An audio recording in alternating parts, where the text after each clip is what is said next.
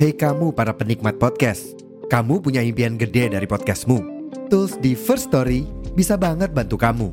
Mulai dari F-Link, Dynamic Audio Insertion, sampai statistik yang komprehensif, semua ada di First Story. Gak ketinggalan, kamu bisa monetisasi podcastmu lewat iklan dari First Story Ads yang bisa kasih kamu penghasilan dari setiap place podcastmu. Yuk gabung sekarang dengan klik di firststory.me. Sekali lagi, di firststory.me. Mari kita bawa mimpi podcastingmu menjadi kenyataan.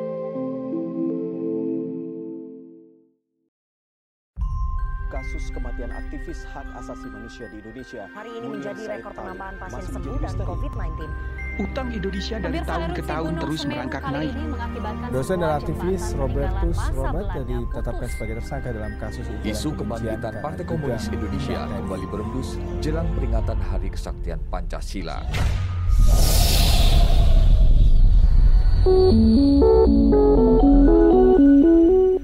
Assalamualaikum warahmatullahi wabarakatuh Kembali lagi bersama saya, Taufik. Tapi kali ini kita di segmen yang berbeda. Kenalin segmen barunya podcast secara Indonesia Kausalitas. Karena semua pasti ada penyebabnya. Oke, untuk mengawali segmen kali ini Kita akan bahas sesuatu yang lagi rame juga Dibicarakan apalagi kalau bukan presiden. Well, oke belum-belum langsung tancap gas aja sih. Iya. Hmm, maksudnya nggak gini juga. Jadi intinya bahasan ini adalah kita coba untuk eh, kayak unboxing kali ya. Lebih kesannya bukan unboxing sih sorry. Kayak nge-review. Nge-review beberapa presiden Republik Indonesia yang pernah ngejabat di masa lalu dan mencoba melihat kayak hmm, blunder yang pernah dilakukan atau kebijakan-kebijakan yang nggak populis tuh kayak gimana. Jadi coba aja kita lihat. Kayaknya sih setiap presiden punya ya kelemahan-kelemahan tersebut yang dalam hal ini sebenarnya bukan dalam arti ingin mencoba untuk merendahkan, mencoba untuk istilahnya nyari kesalahan-kesalahan seperti itu karena saya yakin kemudian kalau misalkan setiap orang itu pasti kan punya kekurangan dan yang lainnya. Kita harus setuju dong kalau setiap manusia itu pasti punya kekurangan, ya kan? Apalagi kita yang orang biasa uh, punya kekurangan uh, apalagi kemudian presiden presiden kan juga manusia dan apalagi kemudian di sekelilingnya juga orang-orang yang kemudian manusia juga nggak mungkin kan one team pressnya presiden itu alien kan nggak mungkin banget. Jadi uh, itu yang harus bisa dipahami bahwa kita harus melihat secara lebih dalam gitu kan. Jadi belajar dari masa lalu tuh ya kayak gini. Nggak mungkin kan kita mulai kesalahan-kesalahan yang lama di masa sekarang gitu kan. Ya ayolah cobalah. Coba kesalahan baru maksudnya. Nggak nggak bercanda bercanda. Oke em, teman-teman kita mulai ya akhir-akhir ini kita bisa melihat bahwa kemudian eh, banyak yang bilang oh kok pemerintah sekarang banyak yang blunder kemudian presidennya banyak yang eh, melakukan sebuah kebijakan-kebijakan yang kayaknya eh, tidak populis atau pokoknya banyak deh yang pada akhirnya kemudian memunculkan sesuatu hal yang dianggap sebagai satu gerakan untuk menolak pemerintahan dan bahkan menolak sebuah eh, seorang presiden untuk menjabat ataupun sepak terjangnya.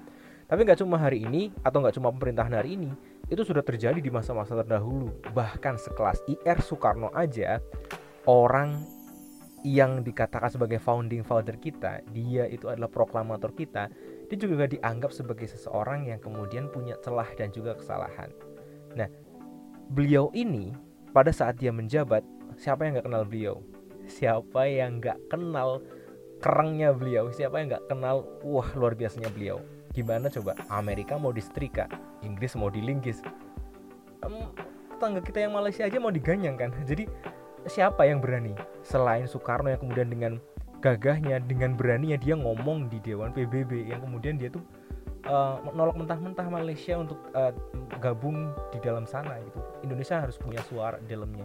Apalagi kemudian uh, kebijakan-kebijakan uh, infrastruktur ataupun kemudian mercusuarnya yang kemudian membuat Indonesia akhirnya dipandang dunia menjadi salah satu negara yang yang yang bisa diperhitungkan. Siapa lagi kalau bukan beliau? Namun ini juga jadi sesuatu hal yang nggak cukup sebenarnya karena memang dari beberapa pengamatan dan memang dari sepak terjangnya juga ada beberapa kesalahan yang kemudian muncul pada masa uh, kepemimpinan dari IR Soekarno ini.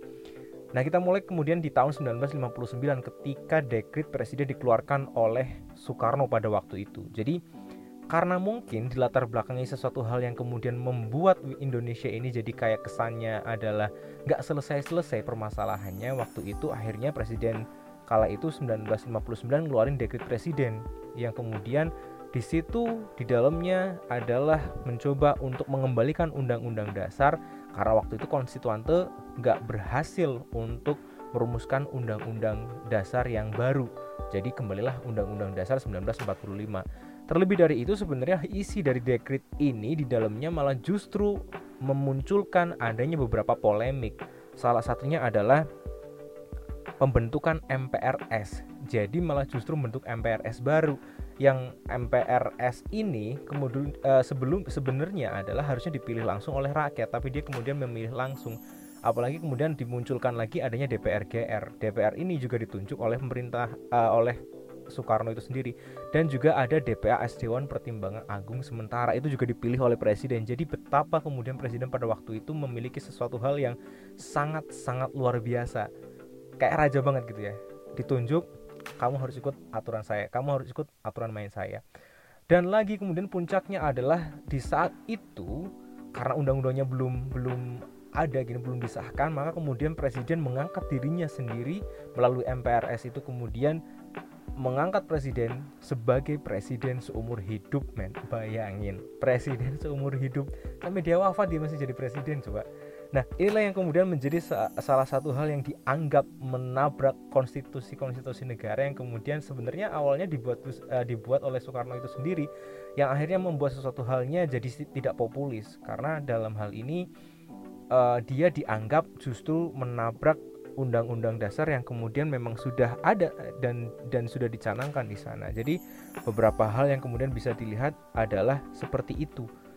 Otomatis kemudian pada waktu itu akhirnya Soekarno dilengserkan ataupun uh, lengser dengan sendirinya gitu ya karena memang ada beberapa celah-celah yang dilihat bahwa memang Soekarno ini adalah sosok yang kemudian tidak bisa digantikan terlalu powerful jadi ya terpaksa harus kemudian uh, digantikan karena memang mungkin ada beberapa pemahaman-pemahaman politik dari elit-elit terdahulu yang tidak suka juga dengan sepak terjangnya Soekarno itu sendiri. Nah, selain itu, selain Soekarno, ada lagi Soeharto, suksesor dari Soekarno. Setelah Pak Karno lengser, maka kemudian digantikan oleh Pak Harto. Pak Harto ini adalah salah satu orang yang sangat luar biasa juga. Siapa yang kenal beliau? Pada masa jabatannya, beliau ini memiliki dua program yang diakui dunia. Satu adalah tentang pengendalian uh, penduduk, yang kedua itu adalah tentang pangan. Bayangin, Indonesia adalah satu negara yang paling berhasil dalam ngurusin peledakan penduduk tuh. Bagaimana enggak? Karena KB-nya orang-orang Indonesia itu jadi punya anak itu maksimal dua. Coba bayangin kalau misalkan dulu nggak ada KB, kayaknya sekarang udah wah meledak berapa ratus juta jiwa sih tapi yang selanjutnya adalah tentang pangan juga keren nih di ekstensifikasi dan intensifikasi pertanian pada waktu itu luar biasa banget sehingga pada waktu itu Indonesia jadi surplus surplus uh, pangan dan kemudian akhirnya swasembada bisa ngirimin ke India dan yang lainnya itu adalah satu hal uh, prestasi yang luar biasa banget. Namun juga tidak dipungkiri kalau misalkan kita mau ulik tentang Orde Baru banyak sekali kesalahan-kesalahan ataupun mungkin kemudian blunder yang dilakukan oleh Presiden Soeharto dalam memimpin Salah satunya adalah penggunaan fokus tentang Pancasila. Dia beranggapan bahwa dulu ketika zamannya Soekarno eh, Pancasila sudah banyak ditinggalkan. Akhirnya kemudian diaktifkan kembali itu menjadi salah satu fokus untuk semuanya patuh terhadap Pancasila. Tapi versi Pancasila ini kemudian diartikan sentralistik dari pusat, semuanya harus menurut pusat. Pada waktu itu kemudian ada penataran P4 bahkan Pak yang yang seharusnya uh, yang semuanya harus ikut tentang hal tersebut. Kalau misalkan melenceng sedikit dari uh, eh, P4 tersebut dari Pancasila tersebut subversif, ya udah hilang aja. Pokoknya itu adalah gambarannya. Sekarang saya bisa ketawa-tawa kayak gini ya. Kalau dulu kayaknya nggak bisa deh. Nah, pokoknya ada beberapa poin penting yang kemudian juga membuat salah, satunya ini uh, beberapa halnya di dalam pemerintahnya Pak Harto itu juga menjadi sesuatu hal yang mengerikan juga. Salah satunya uh, salah banyaknya itu adalah pengangkatan uh, Pak Harto dipilih kembali, dipilih kembali, dipilih kembali gitu. Pemilu pada masanya Pak Harto memang demokratis, tapi lagi-lagi yang menang dia lagi dia lagi, ya kan? Karena memang pada waktu itu ya banyak yang beranggapan bahwa memang uh, partai politiknya itulah yang kemudian benar-benar sangat kuat. Jadi akhirnya kemudian dia kepilih lagi kepilih lagi ya beliau. Karena memang belum ada peraturan tentang undang-undangnya uh, ber berbicara tentang dua periode aja dia terpilih sampai 32 tahun bayangin 32 tahun ngejabat jadi presiden. Dan karena lamanya waktu ngejabat tersebut akhirnya muncullah beberapa hal yang tidak enak. Salah satu yang kemudian santer terdengar di masa orde baru itu adalah korupsi, kolusi dan juga nepotisme nepotisme ini kemudian santer juga ketika keluarga Cendana mulai beberapa masuk ke dalam pemerintahan sebagai eh, keluarga besarnya sebagai orang yang juga ikut andil dalam pemerintahan Indonesia kala itu. Nah, Soeharto ini memimpin rakyat dengan otoritarian karena memang gayanya adalah militer tersebut. Jadi, pada waktu kepemimpinan kepemimpinannya dia itu semua yang tidak manut dengan negara ya sudah dianggap subversif. Karena dia dari militer lu manut ikut nggak manut keluar dari pemerintahan yang dalam arti ini adalah ya kadang memang sering terjadi uh, adanya Petrus terus kemudian ada orang-orang hilang dan yang lainnya. Walaupun memang tidak ter uh, dari pihak pemerintahan tidak mengakui adanya seperti itu tapi kemudian ini sering banyak terjadi karena mereka dianggap subversif orang-orang yang kemudian ngomong uh, tidak baik tentang pemerintahan itu sendiri dan pada waktu itu juga dianggap bahwa pemerintahan Orde Baru itu adalah pemerintahan yang sangat anti kritik dan pers itu sangat-sangat dilarang. Ada sebenarnya tapi terbatas. Pada waktu itu adalah kebanyakan TV menyiarkan tentang ya hanya tentang pembangunan, pembangunan, pembangunan gitu, nggak nggak yang kemudian uh, ada ada salah nggak sih tentang pemerintahan dimunculin? Sekalinya ada kayak gitu wah udah deh kayaknya nggak dikasih jatah lagi seperti itu. Makanya kemudian dia disebut sebagai bapak pembangunan. Karena pada waktu orde baru pasti nongolnya adalah tentang pembangunan pembangunan dan pembangunan kayak gitu lagi. Nah terus kemudian uh, sentralistik inilah yang kemudian membuat uh, daerah-daerah itu kemudian juga akhirnya mati. Apalagi kemudian munculnya adalah ada menteri penerangan juga yang kemudian itu semakin mem mempersempit wilayah-wilayah uh, daerah atau provinsi-provinsi untuk berkembang karena semuanya itu dari pusat. Seperti itu. Oke kita tinggalkan. Kita udah tahu seperti apa endingnya. Endingnya adalah krisis yang terjadi di tahun 1998 sampai 1999 sebenarnya nggak cuma di Indonesia tapi di wilayah Asia Indonesia kena dampaknya. Suksesornya eh, Pak Harto selanjutnya adalah Pak Burhanuddin Yusuf Habibie beliau ini memimpin ketika Indonesia sedang carut marut eh, sepeninggal Pak Harto ya kan? Jadi dipasrai sesuatu yang nggak enak bola panas banget kan waktu itu Nah, keadaan krisis di mana-mana membuat suksesor uh, Pak Harto ini, Pak Habibie ini, harus benar-benar memiliki pemikiran yang cerdas dalam pengambilan keputusan yang strategis.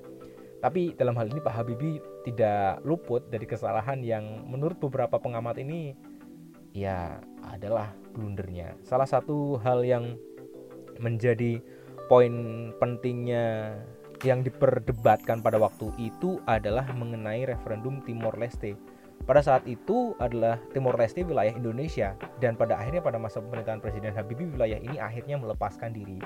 Hal ini sebenarnya didasarkan pada referendum yang uh, dilaksanakan untuk memilih otonomi luas atau memilih otonomi atau menolak otonomi luas tersebut. Jadi Presiden Habibie udah ngasih opsi. Awalnya sebenarnya hanya satu opsi, ya udah dikasih otonomi luas, tapi kemudian nggak mau. Mereka harusnya mereka maunya keluar aja gitu. Nah, posisi Indonesia yang saat itu kemudian terdesak di akhir tahun 1908 sampai 1999 karena krisis juga yang pada waktu itu memperkeruh suasana, apalagi kemudian uh, dorongan uh, sorry tekanan dari internasional datang kemudian dari PBB dan juga dari Amerika yang lainnya yang mengatakan bahwa memang Indonesia tidak punya hak untuk Timor Leste tersebut. Bahkan tidak diakui juga Timor Leste itu kemudian masuk di wilayah Indonesia. Sebenarnya pada waktu pemerintahan Pak Soeharto wilayah ini sudah dianggap selesai. Tetap masuk wilayah NKRI tapi Pak Habibie memiliki versi lain karena dia melihat bahwa politik Indonesia itu harus bebas aktif yang kemudian membuka seluas-luasnya bagaimana caranya untuk menemukan titik terang. Akhirnya dibukalah kembali kemudian uh, membuka suara bagaimana kemudian suara rakyat itu yang kemudian akan dipilih. Muncullah kemudian adanya referendum. Seluruh warga masyarakat diminta untuk memilih baiknya seperti apa. Akhirnya setelah diadakan referendum tersebut yang terjadi adalah Timor Leste lepas dari wilayah Indonesia karena mereka mau lepas dari Indonesia itu sendiri. Dan sekarang ya sudah kita sudah beda jalan gitu kan. It's been a long day. Jadi ya udah Indonesia Indonesia sekarang uh, dulu Timur Timur sekarang Timur Leste udah udah udah jadi negara sendiri aja gitu. Sebenarnya deket sih tapi ya tadi udah nggak sejalan tadi. Kayaknya cuma uh, di bagian itu aja. Nah setelah kemudian jadi Pak Habibie ini uh, bukan dari hasil pemilu ya karena memang dia tuh meneruskan Pak Pak uh, Pak Harto aja. Baru kemudian setelahnya ada Pak Abdurrahman Wahid atau Gus Dur yang kemudian meneruskan tampuk kekuasaan di Indonesia. Lagi-lagi ini juga salah satu presiden yang bisa dibilang apa ya kontroversial tapi humoris. Karena dengan tagline-nya gitu aja kok repot. Dengan tagline gitu aja kok repot Presiden Gus Dur adalah salah satu presiden yang benar-benar menekankan sesuatu hal yang kayak ayolah masa uh, seribet ini sih? Kalau bisa disim kalau bisa bikin simpel kenapa bikin ribet? Tapi ternyata per, uh, tagline ini yang kemudian pada akhirnya membuat masalah di kemudian hari juga menurut beberapa pengamat saat menjadi presiden, Gus Dur ini dikenal sebagai pemimpin yang cukup kontroversial karena beberapa kebijakannya. Salah satunya waktu itu adalah dia membuat sebuah kebijakan yang menuai kontroversi dengan dengan mencabutan pelarangan Partai Komunis Indonesia yang tertuang dalam TAP MPR nomor 25 tahun 1966. Pemerintahannya dianggap cukup kontroversial namun membawa nilai persatuan karena memang yang dibawa sama Gus Dur ini adalah semangat pluralisme. Jadi semua bisa hidup di Indonesia. Ya, semua bisa hidup di Indonesia bahkan dia juga uh, jadi babak pluralisme karena pada waktu kepemimpinannya dia itu juga kemudian agama-agama yang kemudian yang tadinya tidak ada juga diakui menjadi ada di wilayah Indonesia. Gus Dur adalah salah satu tokoh pluralisme namun beliau juga dipandang memiliki salah satu blunder yang tadi gara-gara tagline-nya tersebut. Yang rame dibicarakan pada waktu itu adalah kasus Pulau Gate dan Brunei Gate. Jadi dikit aja ya teman-teman kalau teman-teman belum notice kasus Pulau ini adalah bagaimana kemudian uh, uh, Gus Dur di pemerintahannya Gus Dur ini adalah mereka menggunakan dana non budgeter. Dana non budgeter ini adalah dana di luar APBN yang sebenarnya tidak boleh digunakan. Yang satunya adalah tentang Brunei Gate. Bagaimana kemudian uh, ada dana hibah dari dari Sultan Brunei yang kemudian ini juga disalahgunakan correct me if I wrong ya teman-teman. Jadi kalau misalnya ngedengerin ini ada beberapa hal yang kemudian harus dikoreksi, silahkan koreksi aja. Yang ini sebenarnya Gus Gus Dur ini dianggap eh, dan pemerintahnya dianggap menyelewengkan dana hibah dari Sultan Brunei dan juga tadi dana non budgeter tersebut.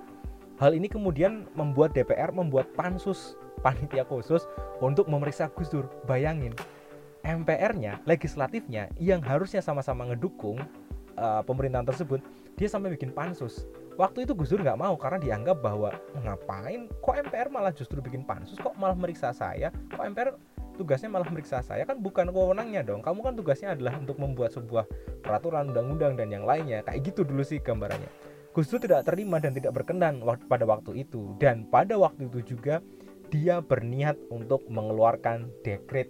Bayangin mengeluarkan dekret terhadap siapa? Terhadap pemerintahannya dia sendiri terhadap MPR pada waktu itu yang kemudian ingin membubarkan MPR tersebut. Ya memang mirip-mirip ya. Mirip-mirip dengan apa yang terjadi dengan Pak Karno dulu dengan mengeluarkan dekret tersebut tapi ternyata ini tidak terlaksana. Dan pada akhirnya di titik terakhir beliau tetap dimaksulkan posisinya sebagai presiden dan akhirnya lengser menjadi presiden dan digantikan Megawati Soekarno Putri.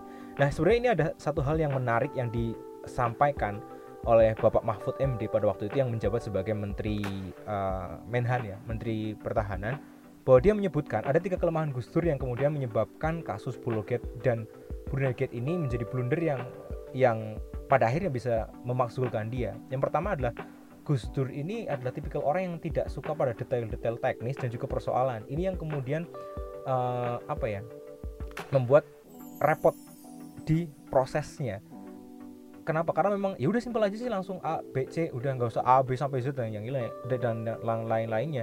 Ketika membentuk komisi hukum nasional misalnya teknis anggaran pejabat dan masa jabatan tak ditangani dengan baik. Jadi kadang simple juga oke okay, tapi kalau misalkan urusan kayak gini juga kalau orang Jawa bilang neretik gitu ya. Neretik itu kayak apa ya uh, belibet itu penting karena memang memang serumit itu rumit itu penting karena memang harus di, di, diselesaikan permasalahan itu. Yang kedua adalah Gus Dur ini sering kali menyederhanakan persoalan. Ya udah tahu kan dengan tagline-nya dia gitu aja kok repot tadi yang saya bilang di awal. Terus yang ketiga itu Gus Dur tidak suka dilawan dan tidak mau melakukan kompromi. Jika ia merasa bahwa kompromi itu tidak menguntungkan menguntungkan dirinya dalam politik tersebut ya no gitu. Jadi kayak nggak nggak klop dengan saya ya udah nggak mau gitu Jadi tiga kelemahan itulah yang kemudian uh, menjadi Gus Dur itu akhir, pada akhirnya masuk lebih dalam dalam pusaran politik tersebut. Nggak ada uh, pada akhirnya sedikit sekali yang kemudian empati terhadap beliau di politik pemerintahannya pada waktu itu yang akhirnya kemudian dia harus dilengserkan dari uh, jabatannya gitu. Setelah beliau lengser, maka yang melanjutkan adalah salah satu anak dari Presiden Soekarno yaitu Megawati Soekarno Putri. Bu Mega ini menggantikan Pak uh, Abdurrahman Wahid karena beliau pada waktu itu posisinya adalah wakil presidennya Gus Dur. Megawati Soekarno Putri naik menjadi presiden itu uh, memang menyelesaikan masa jabatannya Pak Gus Dur itu tadi, Pak Presiden Gus Dur. Di antara berbagai kebijakan Megawati uh, ada beberapa hal juga yang dijadikan apa ya blunder menurut pengamat yaitu adalah privatisasi BUMN. Boleh jadi yang paling kontroversi adalah masalah ini. Jadi dikutip dari buku Problem Demokrasi dan Good Governance di era reformasi tahun 2013, BUMN dijual dengan alasan untuk membayar utang negara. Megawati pada waktu itu diwarisi utang negara yang membengkak imbas dari apa lagi kalau bukan krisis moneter yang terjadi tahun 1908-1999. Betul, zamannya Pak Harto. Jadi penjualan belasan BUMN yang nilainya mencapai 18,5 triliun tersebut berhasil menurunkan utang pada waktu itu. Dianggap berhasil. Salah satu privatisasi yang paling diperdebatkan pada waktu itu adalah penjualan saham Indosat. Ya, Indosat. Ya, Indosat yang yang teman-teman tahu itu adalah perusahaan telekomunikasi gitu ya. Kala itu Indosat dijual seharga 4,6 triliun kepada Temasek Holding Company BUMN Singapura lah ya BUMN BUMN-nya yang ada di Singapura. Lima tahun kemudian Tamasek menjual saham Indosat kepada Qatar Telekom dengan harga mencapai tiga kali lipatnya. Bayangin kalau tiga kali lipatnya berarti berapa? Empat kali tiga, dua belas, dua belas. Iya kisaran dua belas triliun gitu. rugi ya, ya rugi. Tapi pada waktu itu mungkin lagi ini banget ya, apa ya? Lagi kayak BU banget. butuh uang banget, butuh duit banget Indonesia untuk untuk menutup kebocoran-kebocoran yang yang terjadi gara-gara krisis moneter tersebut. Yang selanjutnya adalah outsourcing. Jadi ini adalah salah satu hal yang kemudian mencuat yang kemudian sering uh, terjadi demo-demo pada waktu masa kepemimpinannya beliau yaitu adanya sistem outsourcing. Jadi uh, kebijakan ini kerap dipermasalahkan karena sistem sistem kerja alih daya. Jadi uh, teman-teman mungkin ada yang udah tahu atau ada atau ada yang belum tahu gitu. Outsourcing itu adalah jadi kayak uh, mereka yang bukan masuk dalam P misalkan dalam perusahaan nih butuh sesuatu pembantu gitu naik uh, ngambilnya dari outsourcing. Contoh misalkan kayak di sekolah di sekolah. Di sekolah butuh pak bon atau di sekolah butuh orang yang ngebersihin uh, membantu untuk membersihkan sekolah maka kemudian diambillah outsourcing tersebut. Cuman permasalahannya adalah ketika di outsourcing ini tidak ada jenjang karir dan kemudian pada waktu dulu itu mereka belum jelas banget gajinya berapa dan yang lainnya. Karena itulah kemudian dianggap sebagai sesuatu hal yang kurang apa ya kurang adil lah. Jadi Megawati pada waktu dianggap sebagai pihak yang paling bertanggung jawab dalam lahirnya outsourcing ini. Kebijakan ini lahir lewat Undang-Undang Nomor 13 Tahun 2003 tentang ketatanegaraan yang disahkan di era Megawati Undang-undang itu sebenarnya sudah jelas sih ngatur keberadaan perusahaan penyedia tenaga kerja. Penyedia tenaga kerja yang terbentuk badan hukum wajib memenuhi hak-hak pekerja. Di dalamnya juga diatur bahwa hanya pekerjaan penunjang yang dapat dialihdayakan jadi kayak penunjang itu mungkin tadi kayak kebersihan gitu ya itu mungkin juga ada outsourcingnya akan tetapi sistem ini banyak di, uh, diprotes pada waktu itu diprotes siapa para buruh karena kesejahteraannya juga masih dipertanyakan karena memang sesuatu hal yang baru kalau misalkan teman-teman mau tahu ya ya ya dulu sering banget terjadi demo gara-gara adanya kebijakan-kebijakan ini. Mereka tidak mendapat tunjangan, terus kemudian ketidakpastian tentang jenjang karir dan yang lainnya. Jadi Sejak maraknya praktek outsourcing ini, Hari Buruh yang diperingati setiap tanggal 1 Mei selalu menyertakan penghapusan outsourcing sebagai salah satu tuntutan mereka. Merespon derasnya kritik uh, dari orang cilik kota atau wong cilik kota ini pada masa kampanyenya di kemudian hari. Jadi yang benar-benar dia maju sebagai seorang presiden, janjinya adalah menghapus outsourcing tersebut. Bikin mau dihapus lagi gitu setelah di tahun 2019 ini kemudian mempunyai janji tersebut pada akhirnya justru malah beliau memperoleh kekalahan pada pemilu tahun 2009 ya akhirnya kemudian outsourcing sampai sekarang ya masih ada juga. Nah di tahun 2019 yang, ke, yang yang kepilih itu siapa? Yang kepilih adalah Susilo Bambang Yudhoyono atau Pak SBY. Pak SBY ini juga salah satu presiden yang luar biasa karena beliau juga dari militer juga. Orang yang kemudian dianggap sebagai yang yang paling prihatin dengan masyarakat Indonesia, orang yang bisa dikatakan sebagai tangan besi juga, tapi bisa dibilang dia juga menggunakan hati dalam melaksanakan setiap kebijakan-kebijakannya. Kebijakannya banyak dianggap uh, sebagai kebijakan yang benar-benar pro terhadap rakyat. Bagaimana kemudian dia melihat kesulitan-kesulitan rakyat di di uh, pada waktu itu. Beliau ini dulu menjabat sebagai Menko Polkam yang kemudian akhirnya dia mengundurkan diri untuk ikut kontestasi dalam pemilu di tahun 2009. Presiden SBY ini kemudian bertarung dan dia bernaung dalam Partai Demokrat sampai sekarang pun masih sampai kemudian uh, ada Mas Ahaye dan yang lainnya ya dia tetap berada di Demokrat karena apalagi sekarang beliau adalah uh, ya pemilik partainya salah satu salah satu orang yang kemudian pembesar partainya juga. SBY dan Demokrat menyatakan mendukung penuh pembangunan infrastruktur. Ini adalah salah satu visi yang dibawa. Hal yang digaungkan pada waktu itu. Tapi nyatanya yang terjadi adalah dia pro terhadap uh, pembangunan infrastruktur, tapi meng, pada waktu itu dia juga mengkritik penggunaan APBN yang terlalu besar untuk untuk infrastruktur. Di sini SBY seperti apa ya dalam artian ya nolak A tapi nggak nggak eh nolak A tapi butuh A gitu. Nolak B tapi butuh B juga kayak gitu. Seperti kayak sesuatu hal yang yang bisa dikatakan seperti ini. Um, dia kepengen perdagangannya maju tapi kemudian infrastruktur yang dibangun tidak besar juga jadi kalau gambaran umumnya adalah kalau kita mau mau mendapatkan keuntungan dari pasar tersebut tapi pasarnya itu kemudian nggak ada jual belinya itu infrastrukturnya tidak diberikan pada waktu itu ya sama aja bohong kayak gitu. Nah pertanyaan uh, yang yang besar pada waktu itu adalah bagaimana caranya menanggulangi kemiskinan dengan menggerakkan perekonomian jika ketersediaan listrik misalkan di sebuah wilayah tidak mencukupi kondisi jalan jembatan pelabuhan itu juga tidak memadai akibatnya ya banyak yang mengalami isolasi kayak gitu. Jadi nggak merata pembangunannya. Dia pro terhadap uh, pembangunan bahkan sampai infrastruktur juga. Tapi nggak mau APBN-nya itu juga membengkak. Terus gimana dong? Ya, kalau misalkan orang Jawa itu jerbasuki mau beo. Jadi semua hal yang berkaitan dengan pembangunan ataupun kemudian um, ber apa ya berproses itu pasti butuh biaya. Entah itu kemudian biaya moral material semuanya bisa dimunculkan. Jadi ini adalah salah satu hal yang ya gambling juga gitu ya, membingungkan juga. Salah satu program yang membuat pro kontra lainnya dari uh, Pak SBY ini adalah program BLT.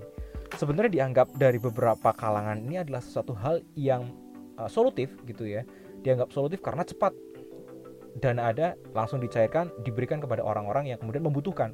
Tapi kemudian sesuatu hal uh, menurut pandangan lain adalah ini membuat setiap masyarakat Indonesia yang mendapatkan bantuan langsung tunai ini seakan-akan mereka itu seperti seorang pengemis yang kayak nunggu waktunya aja nih dan melatih mental mereka seperti mental peminta-minta. Itu adalah dari pandangan beberapa orang yang pada waktu itu melihat bahwa program BLT ini adalah program yang justru akan membuat apa ya karakter manusia Indonesia itu justru lemah.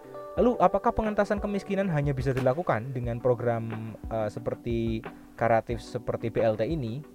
Dan apakah itu berhasil? Program ini sebenarnya merupakan usulan dari Pak JK sih. Buk, uh, bukan dari Pak SBY jadi memang usulan dari Pak JK dalam periode pertamanya waktu itu di tahun 2004-2009 JK pada waktu itu meniru program uh, yang di Brazil ya. Namanya apa ya?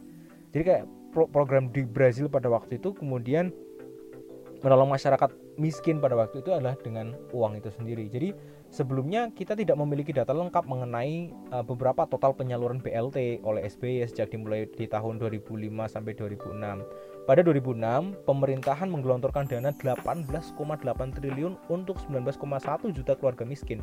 14,1 triliun di 2008 dan 3,8 triliun di tahun 2013.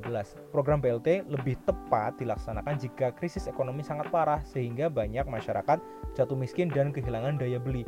Pada waktu itu uh, sepertinya krisis sudah mulai tertangani bahkan ketika zaman uh, ketika dipegang oleh suksesornya Pak Harto Pak Habibie krisis itu juga sudah mulai dikendalikan walaupun memang hutangnya masih tinggi tapi dirasa memang sudah uh, normal kembali pada waktu itu ya normal lah harga rupiah itu sudah normal kembali tapi kemudian ini juga dianggap sebagai sesuatu hal yang tidak populis karena pada waktu itu SBY ngasih mereka masih belum butuh Nah, contoh kayak misalkan BLT itu sangat uh, kayak kemarin tahun 2020 sampai tahun 2022. Maka kemudian anggaran pembela anggaran belanja negara ini akan sangat tinggi untuk apa? Untuk dana sosial. Sosialnya kepada siapa? Ya mungkin salah satunya adalah dari BLT tersebut disalurkan kepada masyarakat. Itu adalah sesuatu hal yang benar-benar concern dan sesuai dengan kebutuhan. Pada waktu itu dianggap memang masih belum belum butuh tapi kemudian dikasih aja apalagi kemudian ada beberapa data yang tidak tepat sasaran yang ini juga membuat sesuatunya jadi makin carut marut pada waktu itu sebuah diskusi pada waktu itu di Universitas Gajah Mada Yogyakarta menilai bahwa SBY ini memanfaatkan program BLT untuk mendongkrak popularitas dirinya di Partai Demokrat tersebut. Terbukti program BLT ini juga pada akhirnya dilanjutkan ketika uh, Mas AHY uh, ini kemudian juga pada waktu itu nyalon jadi gubernur Jakarta kalau nggak salah. Terus kemudian dia juga membawa program ini sebagai program uh, salah satu program utamanya untuk mensejahterakan rakyat. So ini adalah suatu hal yang bisa dikatakan ya butuh nggak butuh, tapi kita juga harus lihat skala prioritasnya. Kalau memang kayak kemarin COVID butuh dikasih, kalau misalkan uh, belum ya nggak dikeluarin juga. Tapi biasanya kalau misalkan sudah pengajuan seperti itu maka sudah masuk di dana anggaran uh, sudah masuk anggaran dan kemudian pasti akan ada dana yang dikeluarkan juga untuk PLT tersebut. Nah, oke okay, teman-teman, kausalitas seru ya. Dan sorry kalau misalkan tadi ada beberapa info yang yang uh, yang mungkin sedikit keliru, teman-teman boleh kok kemudian ngasih masukan. Kayaknya sebenarnya itu dulu deh sebuah masa lalu yang bisa kita share. Sekali lagi ini bukan ranah untuk menghakimi sebuah kesalahan dari pemerintahan ataupun kemudian presiden. Dan juga sedang tidak menjudge secara individu bahwa oh presiden ini lebih baik daripada ini. Oh presiden ini lebih baik dari masa ini. Kayaknya enggak deh.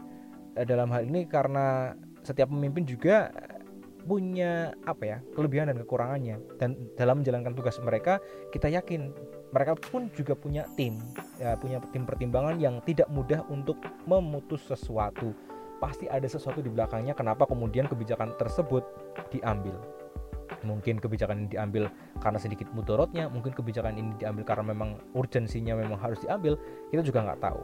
Yang hanya bisa dilakukan pada waktu itu adalah um, menyelamatkan Indonesia. Itu yang kemudian bisa dipahami sih sebagai sesuatu hal yang harusnya kita tahu bahwa oh iya ketika berada di puncak sana maka yang harus di titik beratkan atau difokuskan adalah tentang rakyat. So, karena presiden kan juga dipilih oleh rakyat gitu ya. Jadi eh, nggak mungkin dong kalau misalkan presiden itu juga manutnya sama yang lain-lain gitu kan. Kan manutnya sama kita. Kita kan yang milih presiden. Jadi kita berhak untuk gimana caranya presiden tersebut juga berpihak kepada masyarakatnya. Gitu ya, teman-teman. Ya, semoga apa pun yang terjadi uh, suara-suara kita selalu bisa didengar oleh orang-orang yang di atas sana agar apa? Agar mereka itu bisa uh, membuat sebuah kebijakan-kebijakan juga yang nggak blunder-blunder lagi gitu. Kok cuma sampai Pak SBY, terus masa selanjutnya gimana? kan belum selesai gitu ya. Jadi mungkin nanti kalau ada ada presiden yang udah selesai ngejabat juga, mungkin kita akan bahas di episode-episode um, selanjutnya. Jadi kalau untuk oh, hari ini untuk kesempatan kali ini kayaknya kita cukupkan ya. Sampai ketemu lagi di kausalitas episode selanjutnya. Semoga teman-teman suka ya dengan segmen kali ini dan kalau misalkan ada masukan, ada ada request mungkin bisa langsung aja ke DM-nya uh, Instagramnya podcast sejarah Indonesia. Begitu teman-teman, terima kasih sudah uh, mendengarkan dan terima kasih selalu setia dengan podcast sejarah Indonesia. Saya Taufik Karpan Aldila pamit undur diri. Sampai jumpa, sampai ketemu lagi.